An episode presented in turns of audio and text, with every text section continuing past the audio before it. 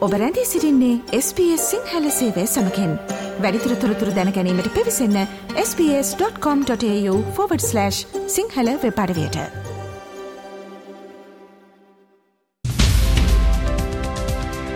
මවබිමින් පුවත්. ඔස්ට්‍රේලියාවේ අද උදැස්සනවද විට ශ්‍ර ලංකාවෙන් වාර්තාාවන ප්‍රධානතම පුවත් කිහිපය මෙන්න. අද නොවැම්බර් මාසේ නවවෙනිදා ඊයේ දිනේ ශ්‍රී ලංකාවේ සිදුවීම් පිළිබඳව අවධානය යොමු කරන්න අපි සූදානම් මෞබිමෙන් පුවත් විශේෂාංගයෙන්. පෙරද දවසේ පාර්ලිමේන්තුවේදී ප්‍රකාශ කළ ආකාරයටම ඊයේ දවසේ ක්‍රීඩා මාත්‍ය රොෂාන් රණසිංහ ශ්‍රී ලංකාවේ ක්‍රිකට් සම්බන්ධයෙන් විශේෂ ප්‍රකාශයක් පාර්ලිමේන්තුවේදී සිද්ධ කළා. එහිදී ජනාධිපතිවරයාට යම් ආකාරයට තෝරා ගැනීමක් කරන්න තිබුණොතින් එහිදී ක්‍රිකට් පාලක මණ්ඩලය වෙනුවෙන් එහි සභාපති ශම්මිසිල්වද නැත්නම් ක්‍රීඩා අමාත්‍ය රොෂාන් රණසිංහද තෝරාගත යුත්තේ කියන කාරණය ගැන ජනාධිපතිවරයාට පහසුවෙන් තීරණයක් ගත හැකි බව සඳහන් කරමින් රොෂාන් රණසිංහ ක්‍රීඩා අමාත්‍යවරයා ඊයේ පාර්ලිමේන්තුවේදී ක්‍රිකට් සම්බන්ධයෙන් විශේෂ හෙළිදරව් කිහිපයක් සිද්ධ කළා. මේ එහිදී ඔහු මතු කළ කාරණා කිහිපයක්. මේ ක්‍රිකට් එකට කඩේ යන නිලධාරියෙක් දෙන්නෙක් ඉන්න ඕන මේක ඇතුලේ. ජනාධිපතිතුමාට තීන්දුවක් ගන්න පුළුවන්. සූදු සම්මිද රොෂාන් රණසිංහද. ලේසි දෙකෙන් එකයි. මම මැද නෑ තීන්දුව කරන්න. කාර්ය මණ්ඩලේ ඔය ඉන්න පුද්ගලයෝ ගෙනල්ලා ඔබතුමා බලන්න විමර්ශනයක් කළා. විගණකාධිපති වාර්තාවට අනුව මේ 20යි 20 ලෝක කුසලානේ චෝදනා 54ක් තියෙනවා. මම ජනාධිපතිතුමාගෙන් ඉල්ලන්නේ මේ පාර්ලිමේන්තුවෙන් ඉල්ලන්නේ මේ කණ්ඩායම මොකද්ද කරන්නේ? මේ කණ්ඩායම මට එවනවා එක එක පණිවිඩ. මොකද්ද එවන පණිවිඩේ? අපිට රැකවරණය දෙන්න ඉන්නවා ජේෂා මහත්මයා. ඒක නිසා අපි මොනවා කෙරුවත් ජේෂා මහත්මයාට තමා ICC එකේ වැඩි බලය තියෙන්නේ. එතුමාට කියලා අපිට ප්‍රශ්නයක් ඇති කරොත් ලංකාව තහනම් කරනවා. මේගොල්ලෝ ICCට ගිහිල්ලා කියන්න ඕන මොකද්ද? අපි හොරගම් කරලා තියෙනවා. අපි වංචා කරලා තියෙනවා. ඒක නිසා අපි වස් කරන්න යනවා. ඒක නොකිය කියනවා දේශපාලන බලපෑම් කරනවා. පෞගිය කාලේ ක්‍රිකට් ක්‍රීඩාවේ පරිපාලනය සම්බන්ධයෙන් මතුවුණු අර්බුද ක්‍රීඩා අමාත්‍යවරයා විදිහට ඇමතිවරයා පාර්ලිමේන්තුවට කරුණු ඉදිරිපත් කිරීමත් එක්ක විපක්ෂය යම් සහයෝගී ස්වභාවයක් පෙන්නුම් කරා ක්‍රිකට් සම්බන්ධයෙන් වන අර්බුද නිරාකරණය කරගන්න. පාර්ලිමේන්තුවේ මන්ත්‍රීවරුන්ට එකට එකතු වෙලා පොදු යෝජනාවක් විදිහට අරගෙන ඇවිල්ලා ඒකාබද්ධ යෝජනාවක් අරගෙන ඇවිල්ලා ක්‍රීඩා අමාත්‍යවරයාට සහාය පළ කරලා පාර්ලිමේන්තුවට ඒ යෝජනාව අද අරගෙන ඇවිල්ලා සම්මත කරගන්න පුළුවන් කියන බව විපක්ෂ නායක සජිත් ප්‍රේමදාස මැතිතුමා සඳහන් කළා. ඒ අනුව අද දවසේ පක්ෂ විපක්ෂ මන්ත්‍රීවරුන් ශ්‍රී ලංකා ක්‍රිකට් සම්බන්ධයෙන් ඒකාබද්ධ යෝජනාවක් පාර්ලිමේන්තුවට ගෙන එන්න නියමිතව තිබෙනවා.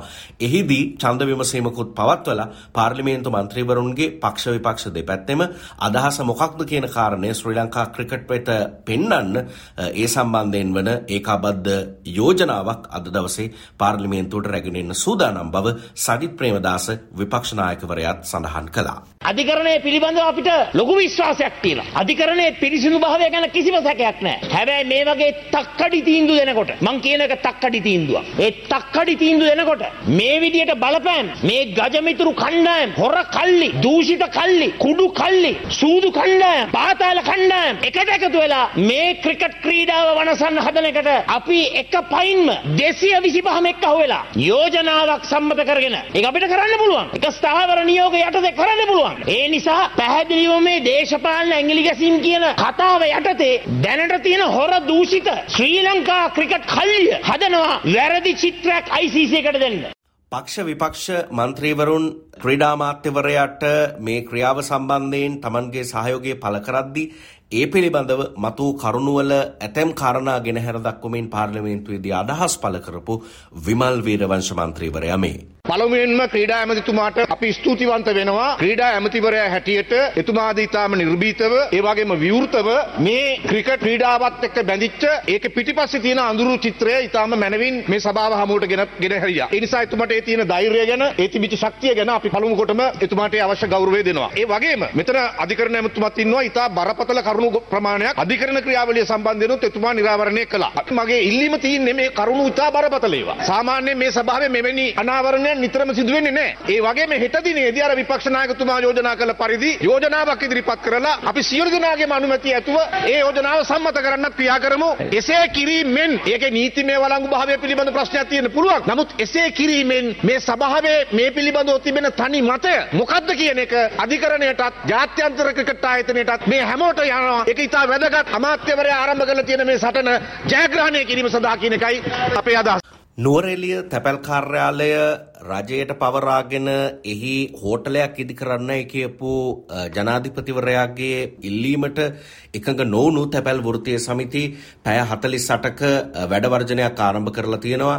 ඒ වැඩවර්ජනය ලංකාවේ තැපැල් හෝමාරුව මධ්‍යම තැපැල් හෝමාරුව ඒ වගේම තැපැල් කාර්යාල මේ හැමතැනකම ක්‍රියාත්මක කරලා තිබුණා. ඒ හින්දා සාමාන්‍ය දීමනා ලබා ගැනීමට පවා ආපු වැඩිහිටි ජනතාව ඇතුළු බොහෝ දෙනෙකුට තැපැලේ සේවාවන් ලබා ගන්න පුළුවන් කමක් ලැබුණේ නැහැ. කොහොමනත් දැන් වහම ක්‍රියාත්මක වන පරිදි ලබන දහවනිදා ඉඳලා තැපැල් දෙපාර්තමේන්තුවේ මුළු කාර්ය මණ්ඩලයේම නිවාඩු අවලංගු කරන්න තැපැල්පතිවරයා තීරණය කරලා තියෙනවා. ඒ අනුව මේ සේවක වර්ජනය ගැන බන්දුලු ගුණවර්ධන අමාත්‍යවරයා ඒත් එක්කම අමාත්‍යංශයේ ලේකම් අනුෂ පැල්පිට මහතාත් එක්ක සාකච්ඡාවකුත් කරා කියලා තැපැල්පතිවරයා අවධාරණය කරලා තියෙනවා. ඒ අනුව තමයි තැපැල්පතිවරයා මේ තීරණය අරගෙන තියෙන්නේ.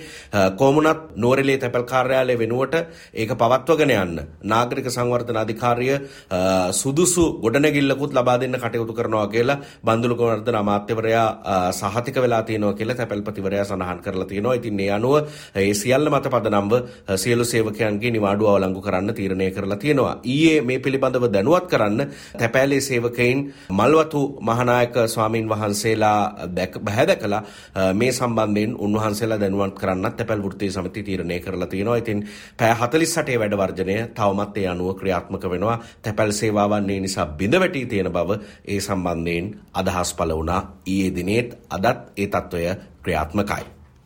ඒ දවසේ පාර්ලිමේන්තුව පැවැත්වෙද්දී පාර්ලිමේන්තුව එක්තර අවස්ථාවක උණුසුම් තත්ත්වයක් හටගත්තා. එකට හේතුව තමයි රෝහිණි කවිරත්න මන්ත්‍රීවරිය විශ්‍රාම වැටු පිමිකම සම්බන්ධයෙන් ප්‍රශ්නයක් මතු කරා. එහිදී ස්වදේශ කටයුතු රාජ්‍ය අමාත්‍ය අශෝක් ප්‍රියන්ත පිළිතුරු ලබා දීමට යාමේදී කියපු වචන කිහිපයක් සම්බන්ධයෙන් රෝහිණි කවිරත්න මන්ත්‍රීවරිය අප්‍රසාදය පළ කළා.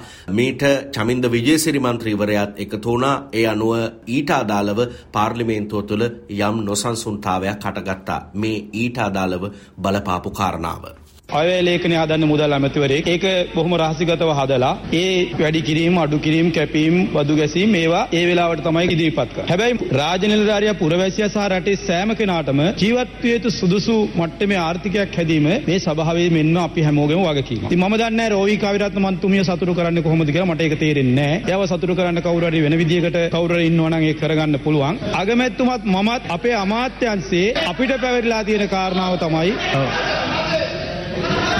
සතුරු වෙන්නේ නැහැ කියප එක. සතුරු වෙන්නේ නැහැ කියප එක. වාඩි වෙන්නේ මම. ඇයි මම මොකුත් නරක කතාවක් කිව්වේ නැහැ. මම මොනවයි කියමු නරක කතාව? චමින්ද විජේසිරි මහත්මයා මම මොනවද නරක කතාව කිව්වේ? ඔන්න මුලසුනට තියෙන ලොකුම වගකීම. හරි ඔබතුමා මේ වගේ අපහාස කිරීම සහ මේ වගේ ඇස්වීම් එක තමයි.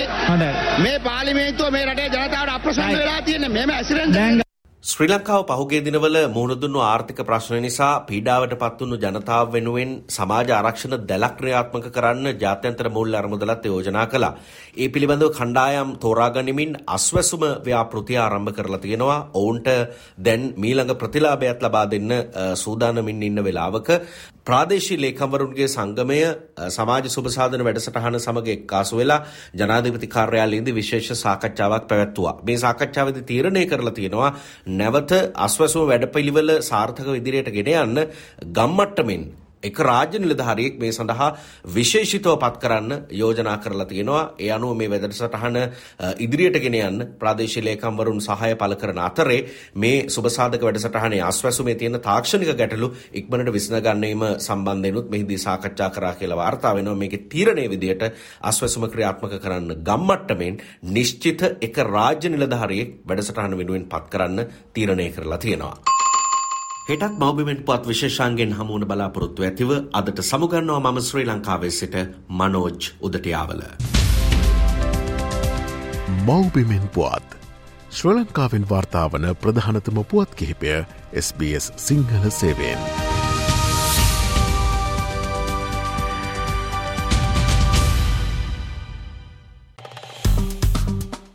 ලයි කරන්න ෂයා කරන්න අදහස් ප්‍රකාශ කරන්න SBS සිංහල ෆස්බුක් පිටුව ෆලෝ කරන්න.